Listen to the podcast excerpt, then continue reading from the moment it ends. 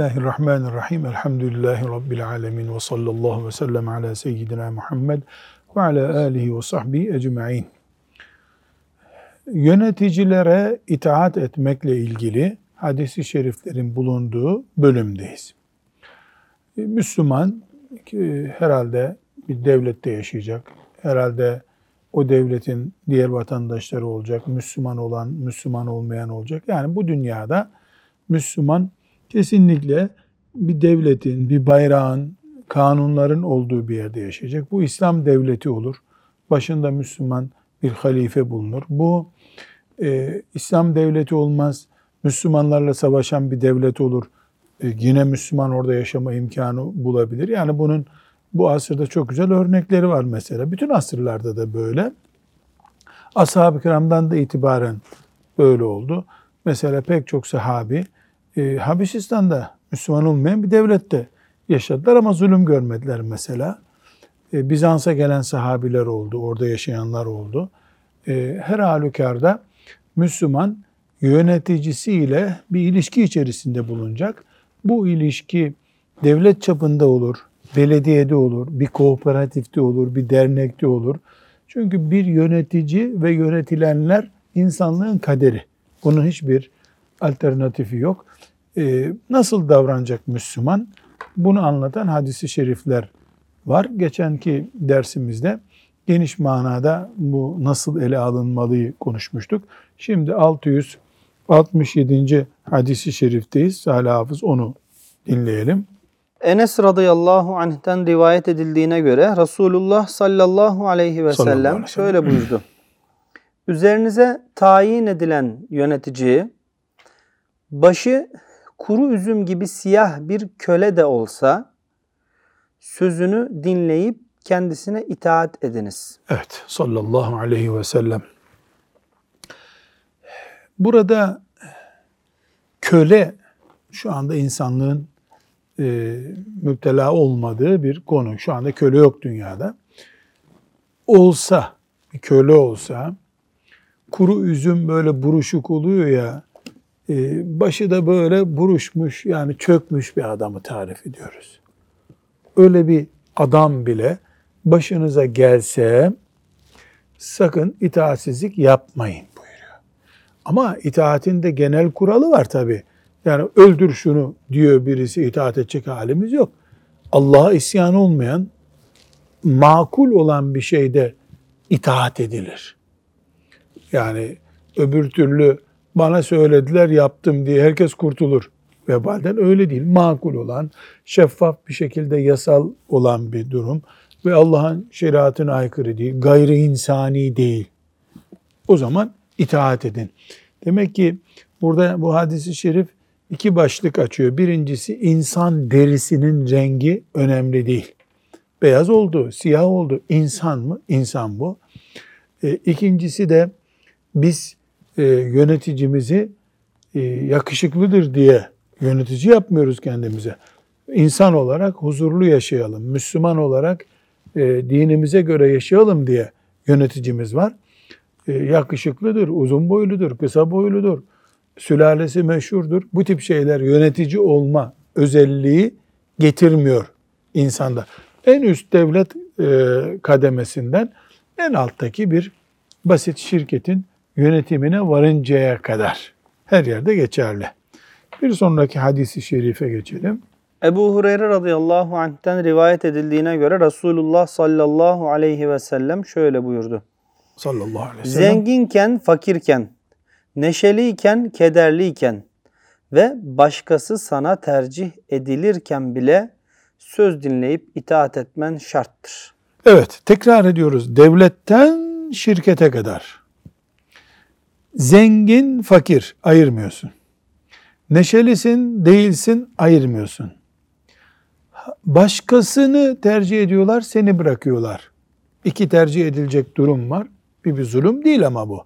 Seni değil de onu tercih ediyor. Buna rağmen sen itaat eden oluyorsun.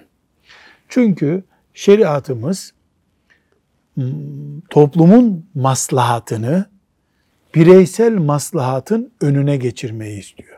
Sen beni niye e, seçmediniz dediğin zaman birey olarak kendini öne geçirmek istiyorsun. Halbuki toplumun maslahatı, diğer Müslümanların maslahatı öncelikli olmalı. Bu bir düşünce tarzı. Peygamber Efendimiz sallallahu aleyhi ve sellemin böyle bir e, Müslüman kitle, böyle bir Müslüman toplum ortaya çıkmasını istiyor. Demek ki bunu anlıyoruz. Bir sonraki uzunca hadisi şerif var. Hadisi şerifi dikkatlice okuyunca içinden pek çok incelikler çıkacak. Evet. Abdullah İbni Amr radıyallahu anhuma şöyle dedi. Bir seferde Resulullah sallallahu aleyhi ve sellemle beraberdik. Bir yerde konakladık. Kimimiz çadırını düzeltiyor, kimimiz ok atış talimleri yapıyor, kimimiz de otlayan hayvanların başında bulunuyorduk. Derken Resulullah sallallahu aleyhi ve sellemin müezzini haydin namaza diye seslendi. Biz de Resulullah sallallahu aleyhi ve sellemin yanında toplandık. Resul-i Ekrem şöyle buyurdu. Evet. Yani bir sahabi bir hatıra anlatıyor burada. Uzunca olduğu için araya girelim. Bu hatırasında Abdullah İbni Amr radıyallahu anhuma bir sefere çıkılıyor. Seferde mola veriliyor. Mola verilince herkes ihtiyacını görüyor. Kimi abdestini tazeliyor, kimi hayvanına bakıyor, kimi silahını e, hazırlıyor vesaire. O arada Resulullah sallallahu aleyhi ve sellemin görevlisi haydi namaza diye çağırıyor. Namaz duyunca sahabi ne oluyor? Namaz kelimesini duyunca herkes elindeki işi bırakıyor. Resulullah sallallahu aleyhi ve sellemin bulunduğu yere koşuyorlar. Çünkü namaz en belirleyici ve toplayıcı isim. O arada Efendimiz sallallahu aleyhi ve sellem bir konuşma yapıyor. O konuşmayı şimdi dinliyoruz. Benden önceki bütün peygamberlerin görevi ümmetlerini iyi olduğunu bildikleri şeye davet etmek, kötü olduğunu bildikleri şeyden de sakındırmaktı. Bütün peygamberlerin görevi neymiş? İyiliğe çağırmak, kötülükten alıkoymak. Sizin içinde bulunduğunuz ümmetin huzur ve sükûnu önce gelenler zamanında olacaktır. Çok güzel. Bunun altını çiziyoruz değil mi? Bu ümmetin çünkü Efendimiz sallallahu aleyhi ve sellemin peygamber olduğu günden İsrafil aleyhisselamın sura üfüreceği güne kadar olan zaman dilimindeki bütün insanlara ümmeti Muhammed diyoruz sallallahu aleyhi ve sellem. Bu ümmetin huzurlu günü sizin günlerinizdir. Yani içinde Resulullah sallallahu aleyhi ve sellemin canlı ümmetinin ortasında bulunduğu günler huzurlu günlerdir. Daha sonrakilerin başına çeşitli belalar ve bilmediğiniz kötülükler gelecektir. Ya evet. Öyle fitneler çıkacak ki bu fitnelerin bir kısmı diğerinden daha hafif olacaktır. Bunun da altını çizelim. Şimdi bir fitne e, belas, bela yani fitne ne demek? Karışıklık, huzursuzluk. Bir fitneyi kurtulduk, savdık derken yeni bir fitne başlıyor. O ona e, sözümü atasözünde deniyor rahmet okutuyor deniyor. Yani o ona rahmet okutuyor. Biri bitecek, öbürü başlayacak. Biri birine rahmet okutturacak. Neden? Çünkü her geçen gün takvimden bir yaprak çevirdiğimiz her gün kıyamete daha fazla yaklaşıyoruz. Bunu hesap etmek gerekiyor. Mesela 10 sene önceye göre bugün kıyamete 10 sene daha yakındır. 10 sene sonra varsa ömrü dünyanın kıyamete biraz daha yakın olacağız. 100 sene sonra insanlar kıyametin soluğuna daha yakın olacaklar. E kıyamete yakın olmak da ne demek? Belalara, musibetlere, fitnelere daha yakın olmak demek. Yine öyle fitne ve kargaşa çıkacak ki onu gören mümin işte beni bu mahveder diyecektir. Yani bundan kurtulamam herhalde diye korkacak. Mümin ciddi adam çünkü. Evet. Sonra ortalık sakinleşecek. Arkasından öyle müthiş bir fitne çıkacak ki mümin işte bundan kurtuluş yok diyecektir. Bu şu tarihte işte hicretin 800. senesinde e, başlayacak 820'de bitecek diyor mu Efendimiz sallallahu aleyhi ve sellem? Bir zamanın tarihin gününü veriyor mu? Vermiyor. Ya akışı veriyor. Yani Müslümanlar e, işte patlıyorlar filan bir siyasi olaydan dolayı. Herkes kabuğuna çekiliyor. Eyvah bu gitti, din gitti, İslam gitti diyor. Sonra bir Hasan Basri rahmetullahi aleyh nasıl tarif ediyordu bunu? Bir teneffüs aralığı olacak diyor. Bir teneffüs oluyor Müslümanlar elhamdülillah. İslam rahatladı. Müslümanlar olarak rahatladık. Çocuklarımızı eğitebiliyoruz. İşte Kur'an okunabiliyor derken gidiyor. Başka bir fitne geliyor. Yahu dün biz değil miydik rahat olan diye böyle bir kaos ortamına düşüyor Müslümanlar olacak. Bir kimse cehennemden kurtulup cennete girmeyi istiyorsa Allah'a ve ahiret gününe iman etmiş olarak ölmelidir. Bütün bunları saydıktan sonra Efendimiz sallallahu aleyhi ve sellem ne buyuruyor? Ee, imanla ölmeye çalışacaksın. Bitti. Kendine yapılmasını istediği şeyleri o da başkalarına yapmalıdır. Ya bu çok güzel bir ölçü. Sen ne istiyorsan başkasına onu yap. Evet. Bir kimse devlet başkanına biat eder. Yani biata ne demiştik? Sözleşme. Sözleşiyor. Şimdi ne diyoruz biz ona? Oy vermek diyoruz. Şimdi oy vermek oldu artık. Evet. Bir kimse devlet başkanına biat eder. Elini tutup ona samimiyetle bağlanırsa Tokalaşırsa. elinden geldiği kadar ona itaat etmelidir. Niye e, elinden geldiği kadar itaat etmelidir diyoruz? İstitaa yani güç yetirme, elinden gelme dinin her tarafında var. Yani Efendimiz sallallahu aleyhi ve sellem e, itaat edeceksiniz başka bilmem demiyor ki. Yani namazda bile Allah'a en büyük ibadet olan namazda bile ayakta duramıyorsan otur buyuruluyor. Yani mesela devlet kanun çıkarıyor. Herkes yarına kadar 100 milyon dolar bulup gelecek. Böyle bir kanun olmaz ki. Ben de 50 dolar buldum. Al 50 doları gerisine karışmam. Deriz yani.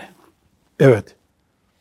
Elinden geldiği kadar ona itaat etmelidir. Bu arada bir başkası ortaya çıkarak yönetimi ele geçirmeye çalışırsa derhal onun boynunu vurunuz. Evet bu çok meşhur bir olay. Efendimiz sallallahu aleyhi ve sellem fadribu unuka el uhra diğerinin boynunu vurun buyuruyor. Ama bu e, Müslümanlar biat sistemiyle e, seçmişler. E, Kur'an-ı Kerim'i yönetmek için e, ve benzeri şeriat hükümlerini icra etmek için çalışılırken birisi birileriyle anlaşıyor. Gelip İslam'ı bölmeye çalışıyor. Şeriat var. Şeriatın hükmü ikinciyi asi duruma düşürüyor. Ama şuna kıyas edemeyiz bak Salih Hoca. Çok önemli bir mesele bu.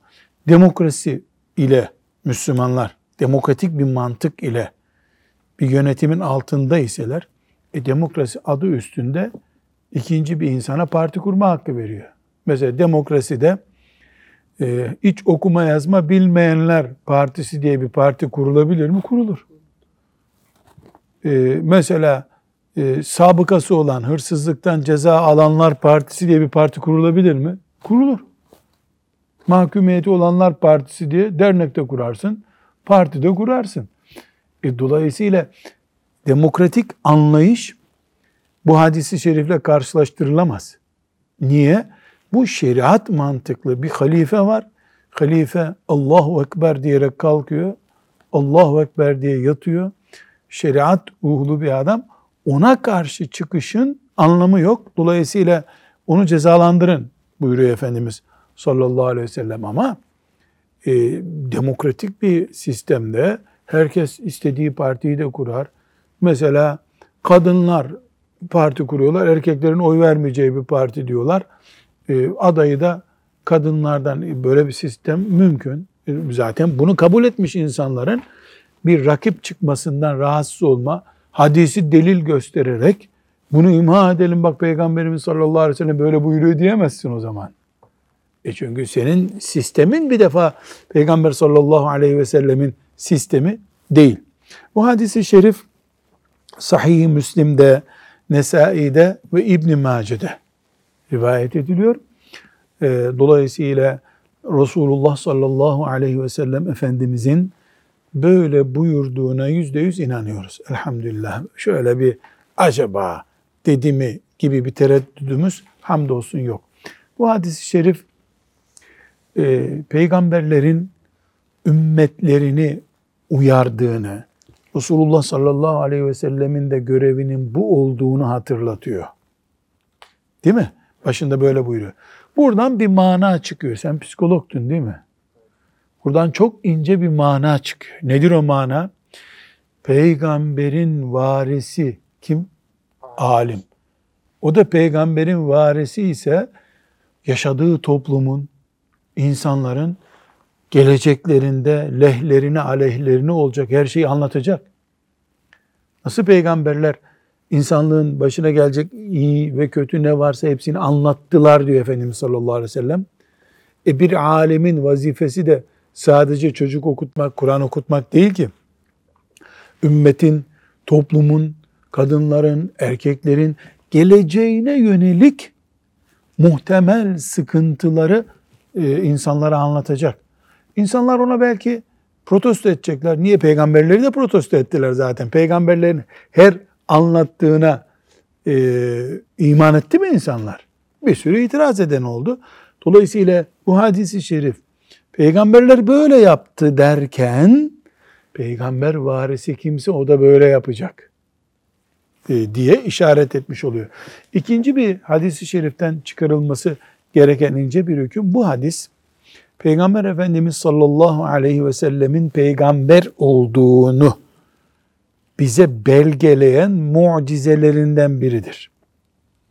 Genelde dava adamları ya da e, fikir önderleri, işte Fransız devrimini yönetenler filan vesaire dünyada sonsuza kadar mutluluk vaat ederek halkları şekillendirdiler. Yani bitti artık.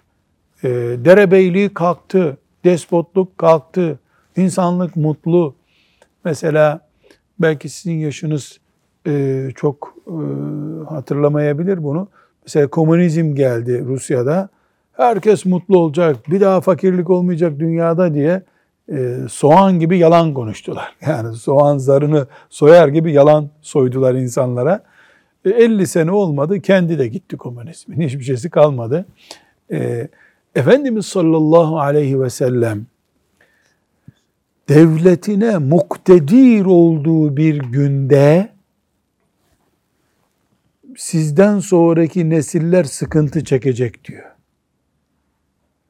Burada iki büyük gerçek var. Birincisi mucizesi görülüyor. Nitekim o vefat ettikten kısa bir zaman sonra gerçekleşti bunlar. İki, peygamber olduğu için sallallahu aleyhi ve sellem sadece bir toplum dönüşümcüsü, ıslahatçı, reformist değil. Peygamber onun için mühim olan hayatın gerçeklerini anlatmak. E, kıyamete kadar meydana gelebilecek hakikatleri anlatmayı düşündü sallallahu aleyhi ve sellem. Yoksa bu sözlerin konuşulduğu günde hem güçlüydü, hem huzur vardı, hem de her sözüne inanılıyordu. Artık gam yok, keder yok, düzelttik dünyayı, şeytanın bacağını kırdık dese yalan mıydı o gün? Demişti. De, deseydi tam sözünü demiş olacaktı. Öyle buyurmadı ama. Bu çok geçmez belalar gelecek çünkü kıyamete doğru gidiliyor diye. Dolayısıyla buradan anlıyoruz ki büyük bir e, hakikat Resulullah sallallahu aleyhi ve sellem bir mucize göstermiş oldu. Dediği gibi 1400 senedir buyurduğu gibi oluyor. Ne diyor? Bir fitne kalkıyor, öbür fitne geliyor, öbür fitne o öncekine neredeyse rahmet okutturuyor. Bir hakikat daha var. Salih Hafız bu sizi çok daha fazla ilgilendiriyor bu hakikat. Yani Kur'an'ın, hadisi şeriflerin varlığına rağmen bu ümmetin son dönemlerinde sapıtma olacak demek ki. Şimdi biz e, hacca gidilmeyi, mesela ben çocukluk günlerimde, ben 9 yaşındaydım babam hacca gittiğinde, haccın ne olduğunu, nereye gittiğini babamın getirdiği oyuncaktan anlamıştım. Oyuncak olan bir yere gitti. Hafızdım üstelik yani. 9 yaşındaydım.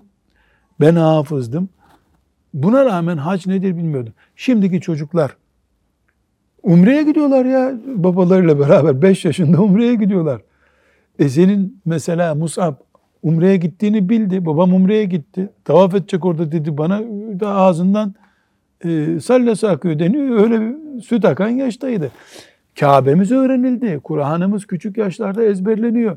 E, dinimiz biliniyor. Kütüphaneler dolu evlerde.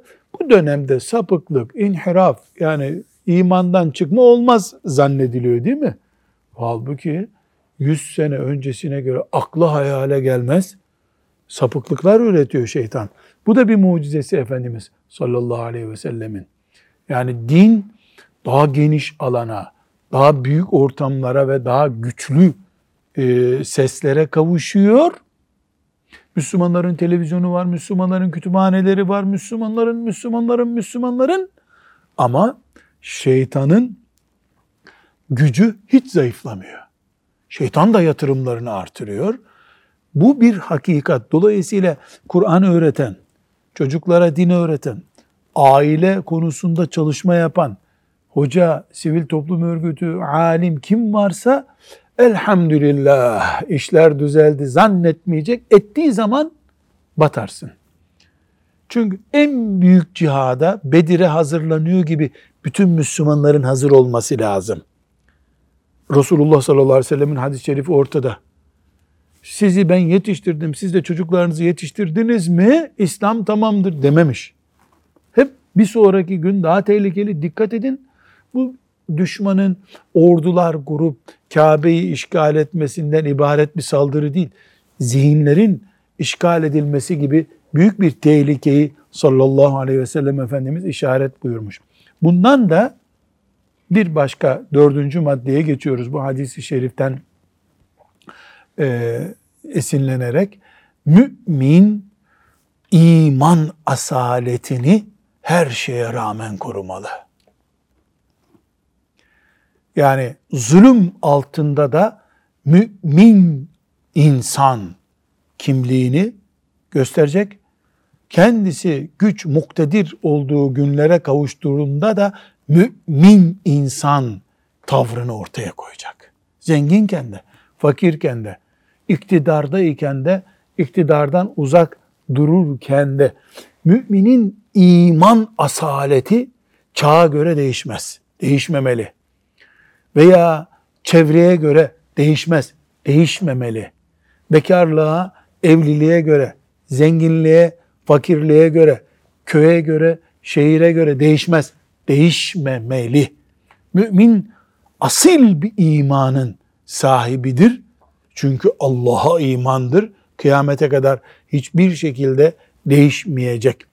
Bir beşinci e, hadis-i şerifin yönlendirdiği şey, büyük olaylar sayıyor Efendimiz sallallahu aleyhi ve sellem değil mi? Benden sonra şöyle olacak, siz iyisiniz, işte fitne üstüne fitne gelecek sayıyor sayıyor. Sonra narin bir şekilde ahlaklı olmaya yönlendiriyor. Bu kadar olaylardan sonra, bu kadar büyük e, gelgitlerden sonra, metcezirlerden sonra mümin ahlakını koruyan adamdır. Bakıyoruz ki ahlak öyle e, okulda öğrenilen işte toplumda e, affedersiniz e, ayağına bastım demekten ibaret bir şey değil. Ahlak peygamberlerin aleyhimusselam insanlığı getirmek istedikleri yüksek düzeyin adı. Ve bu yüzden ahlakla iman, haya ile iman karinane değil mi? Sanki ikizmiş gibi bir arada ahlakın olmadığı yerde, hayanın olmadığı yerde iman da olmuyor. Bu hadisi şerif Salih Hafız gerçekten muhteşem bir e, briefing konusu. Yani keşke her Allahu Ekber diyen e, bu e, hadisi şerifin bereketini bir kere kulağına e, geçirmiş olsa diye düşünüyoruz. Efendimizin aleyhissalatü vesselamın vefatından kıyamete kadarki dönem böyle hap gibi özetlenmiş hocam sanki. Kesinlikle, kesinlikle. Burada bu fitnelerle ilgili e, bir miktar öbür hadis-i şeriflere geçmeden not düşmekte fayda görüyorum. Demek ki Resulullah sallallahu aleyhi ve sellem aman fitne var dikkat edin buyuruyor. Tıpkı bir baba okula giderken çocuğuna oğlum bu hava çok soğudu bu gece. Yerler buz tutmuştur. Aman kayarsın yavrum dikkat et demiyor muydu sana annen ilkokula giderken? Bir Efendimiz ne buyuruyor sallallahu aleyhi ve sellem? Ben sizin babanız yerindeyim diyor. Ümmetine nasihat ediyor. Kulağını açan kurtuluyor.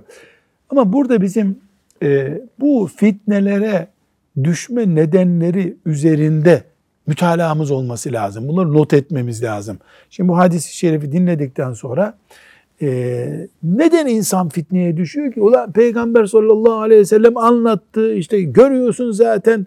E, düşme fitneye de diyemiyorsun. Niye önleyemiyorsun fitneye düşmeyi? Bir defa insan kalbi biyolojik olarak ve manevi olarak e, bu tip fitnelere düşmeye müsaittir. Bunu önleyecek tedbirler alması lazım müminin. Mesela e, bir şehvet fitnesine nasıl düşüyor? Gözünün gördüğü haramlarla, müstehcenliklerle, kulağının dinlediği şarkı türküydü vesaire sözleriyle, gıybetle ön tedbirleri alarak kalbi göğüs içinde koruma altında tutmak gerekiyor.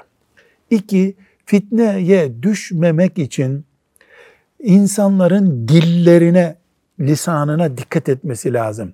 Bir kelime konuşuyorsun. Hadis-i şerif ne buyuruyor? Nice kelime konuşuyor ki insanlar. Onun çok önemsiz olduğunu zannediyor. Halbuki onu cehennemin dibine yuvarlıyor o, o söz. Dolayısıyla fitne zamanında yaşayanlar ki bizim zamanımız herhalde fitne değilse dünyada fitne yok.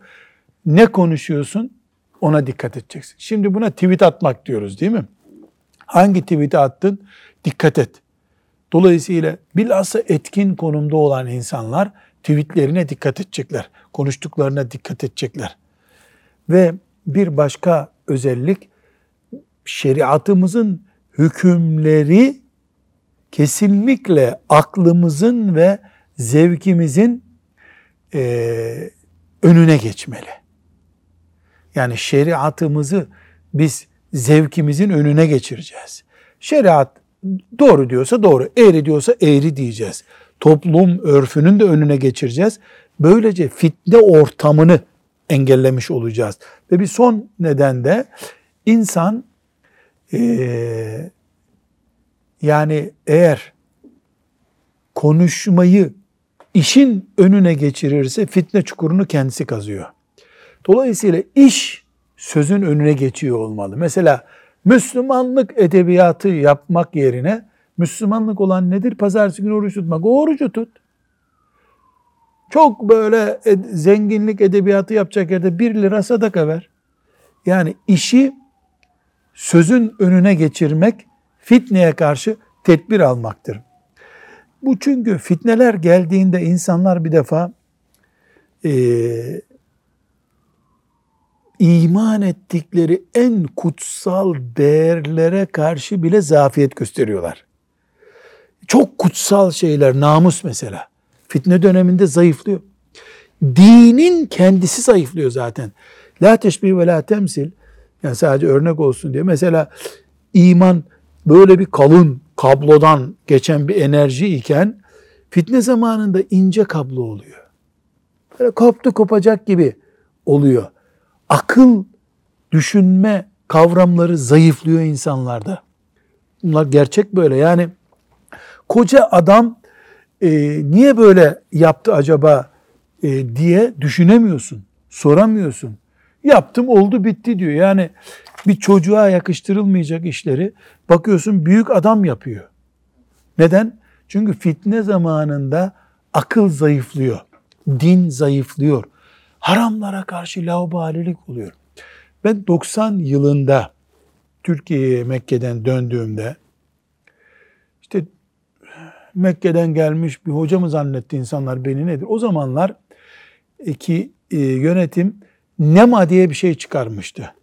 Paralarını memurların bankada hapsediyorlardı ve onlara NEMA veriliyordu. Türkiye'nin nüfusu da o zaman 70 milyonlu rakamlardaydı. Daha da az belki.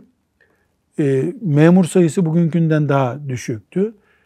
Emin olsa hala hafız. Cep telefonu da yok. E, iki günde bir bu nemaları almak caiz midir? Nemaları almak caiz midir? Soru soruluyordu. Şimdi memur sayısı kat kat oldu.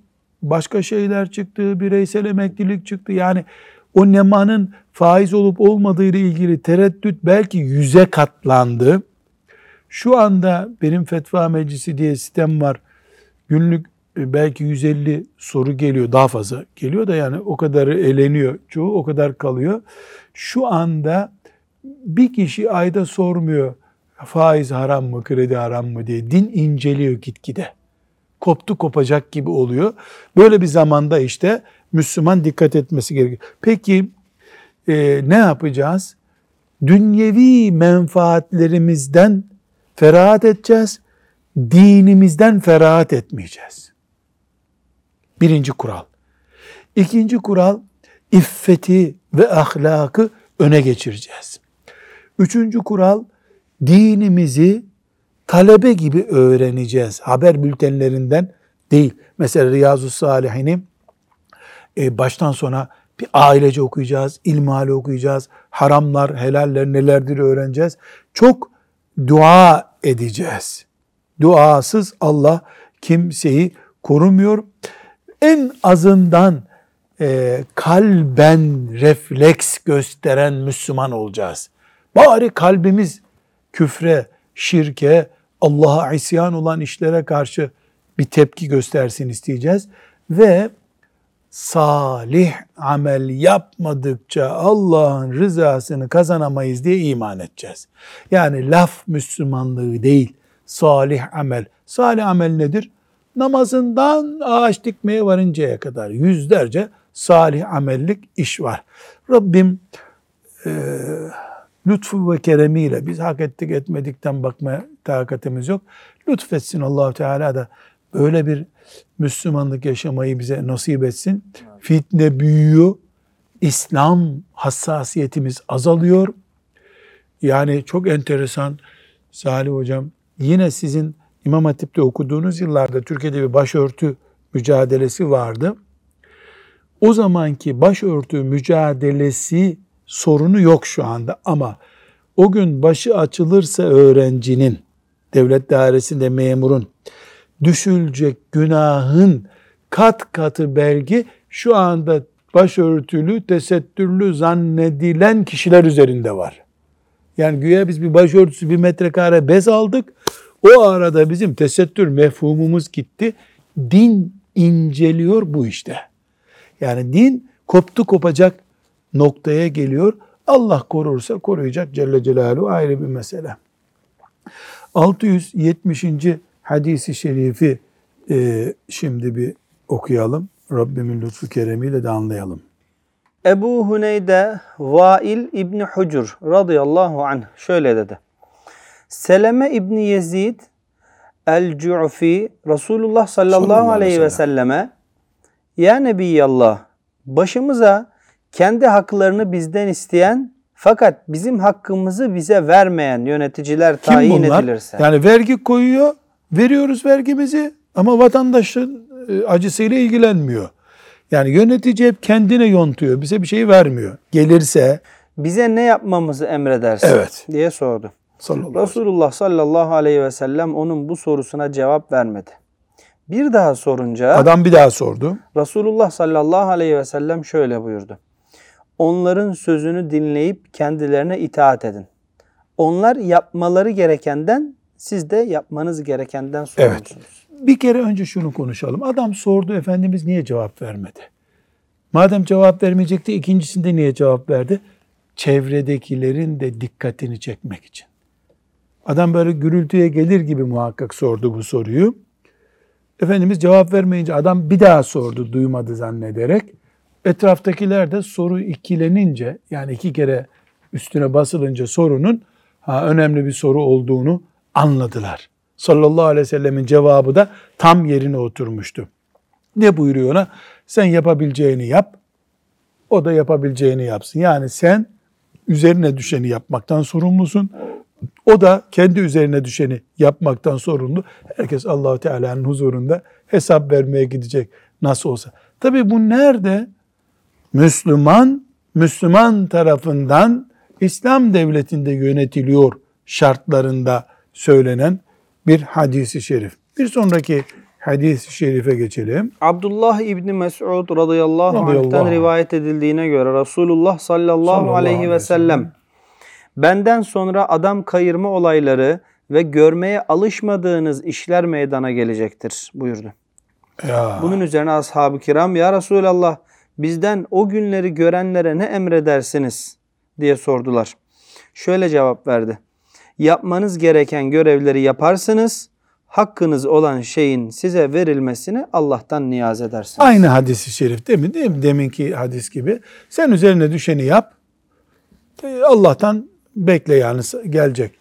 Ee, bu da Efendimiz sallallahu aleyhi ve sellemin mucizevi sözlerinden olduğunu gösteriyor. Ee, burada çok önemli iki kural konuyor. Bir, ümmeti Muhammed'in bir olması çok önemli bir konu. Kişisel sorunları ümmeti telafi ederek gideremeyiz. E ben bu uğurda öleceğim. Ümmet uğruna, insanlık huzuru uğruna ölmeye razı olmak gerekiyor. Hep asker mi gidip şehit olacak bir cephede? Yani askere niye boşu boşuna öldün diyor muyuz? Hayır. Niye demiyoruz? E, insanlık kurtuluyor, devlet kurtuluyor, topraklarımız kurtuluyor. E, burada sen huzursuzluk çıkarırsan, hakkımı aradım dersen, aynı şey o düşmanın işgali gibi bir sallantı, sarsıntı olacaksa e, sen fedakar olacaksın. Bu bir. iki Efendimiz sallallahu aleyhi ve sellem hatayı hata ile düzeltmeye izin vermiyor demek. Hata, hata ile düzeltilmiyor. Şimdi bakınız rahmeten lil alemin Resulullah sallallahu aleyhi ve sellem küçük çocukların ağlamasına tahammül edemiyor. Kediye eziyet edilmesine tahammül edemiyor. Böyle bir peygambere gelip soruluyor. Ya Resulullah işkence ederlerse bana ne yapayım? Hakkını ara, ezdirme kendini demiyor. Hatayı hata ile, yanlışı yanlışla düzeltmek Efendimiz sallallahu aleyhi ve sellemin mantığında yok. Bu çok muhteşem hadisi şerif ama kendisi de ne buyuruyor bu arada? Buna rağmen e, bunun farklı uygulamalarını göreceksiniz benden sonra buyuruyor. Evet bir başka hadisi şerife geçelim. 672. hadis-i şerif. Ebu Hureyre radıyallahu anh'ten rivayet edildiğine göre Resulullah sallallahu, Sallallahu aleyhi, aleyhi ve ve sellem sellem. şöyle buyurdu. Bana itaat eden Allah'a itaat etmiş, bana karşı gelen Allah'a karşı gelmiş olur. Devlet başkanına itaat eden bana itaat etmiş, devlet başkanına karşı gelen bana karşı gelmiş olur. E, Allah, peygamber, İslam'ın başındaki devlet başkanı. İslam'ın başındaki devlet başkanı ne yapıyor? Kur'an'ı yaşatıyor. Namazı yaşatıyor. Ezanı yaşatıyor. Ümmeti Muhammed'in namusunu, iffetini koruyor. E, Allah'a şirk koşan en tepeden reddediyor bunu. Peygambere asi olan e, Allah ile kullar arasındaki bağlantıyı koparıyor. İslam'ın başındaki lideri, halifeyi ezen de en tüketici nokta deniyor ya, tüketici noktadaki gücü öldürüyor. Tabi bunların hepsi Kur'an üzerine yemin edilerek namaz için, oruç için ve diğer şeriat ahkamı için var olunan bir ortam konuşulmuş oluyor böylece. Devam edelim hadis-i şerife. İbn Abbas radıyallahu anhuma'dan rivayet edildiğine göre Resulullah sallallahu, Sallallahu aleyhi ve ve sellem sellem. şöyle buyurdu. Devlet yöneticisinden hoşa gitmeyen bir şey gören kimse sabretsin. Zira kim devlet başkanına itaatten bir karış dışarı çıkarsa cahiliye devrinde ölmüş gibi olur. Evet neden? Çünkü e, sabır sadece hastalıkta değil ki. Sabır sadece trafik sıkışınca ışıkta beklemek değil ki. E, devletin işleyişi de trafik gibi bir şey. Bazen hastalanabiliyor, bazen kaza oluyor, bazen çukur oluyor. Frene basmak gerekiyor. Yani insan hastalıkta sabrettiği gibi yaşadığı toplumun sıkıntılarında da sabretmesini bilecek. Bir sonraki hadis-i şerife geçelim. Ebu Bekre radıyallahu anh Resulullah sallallahu aleyhi ve sellemi şöyle buyururken dinledim dedi. Kim devlet başkanına ihanet ederse Allah da ona ihanetinin cezasını verir. Evet. Yani ne demek bu? Ee, devlet, İslam devleti. Ezan okunuyor. Kur'an yaşanıyor. Ya onun mesela şöyle düşünelim. Bir devletin bayrağına hakaret. Bir metre bez ya ne var bunda dinebiliyor mu? O o devlette yaşayan bütün insanları, daha önce o devletin topraklarında yaşayıp ölen pek çok insanı temsil ediyor. Be, bez, bez değil bayrak. Aynı şekilde bir devletin başındaki insan da bir bez değil. Nitekim bütün dünyada yani devlet başkanları e, şehirlerin korunduğundan fazla daha fazla güçle korunuyor. Çünkü bir devletin başına e, gelen bir insana yani bir darbe vurabildiğin zaman bir kurşunla bütün vatandaşlarını e, ezmiş, imha etmiş oluyorsun. E, dolayısıyla bütün dünyada devletin başı korunuyor, devlet korunur gibi korunuyor. E, Efendimiz sallallahu aleyhi ve sellem de devletin başındaki makamı ezen birinin yaptığını Allahu Teala'nın cezalandıracağını söylüyor. Rabbim fitnesiz, fesatsız yaşamayı hepimize kolay kılsın. Ve sallallahu ve sellem ala seyyidina Muhammedin ve ala alihi ve sahbihi ecma'in. Velhamdülillahi Rabbil alemin.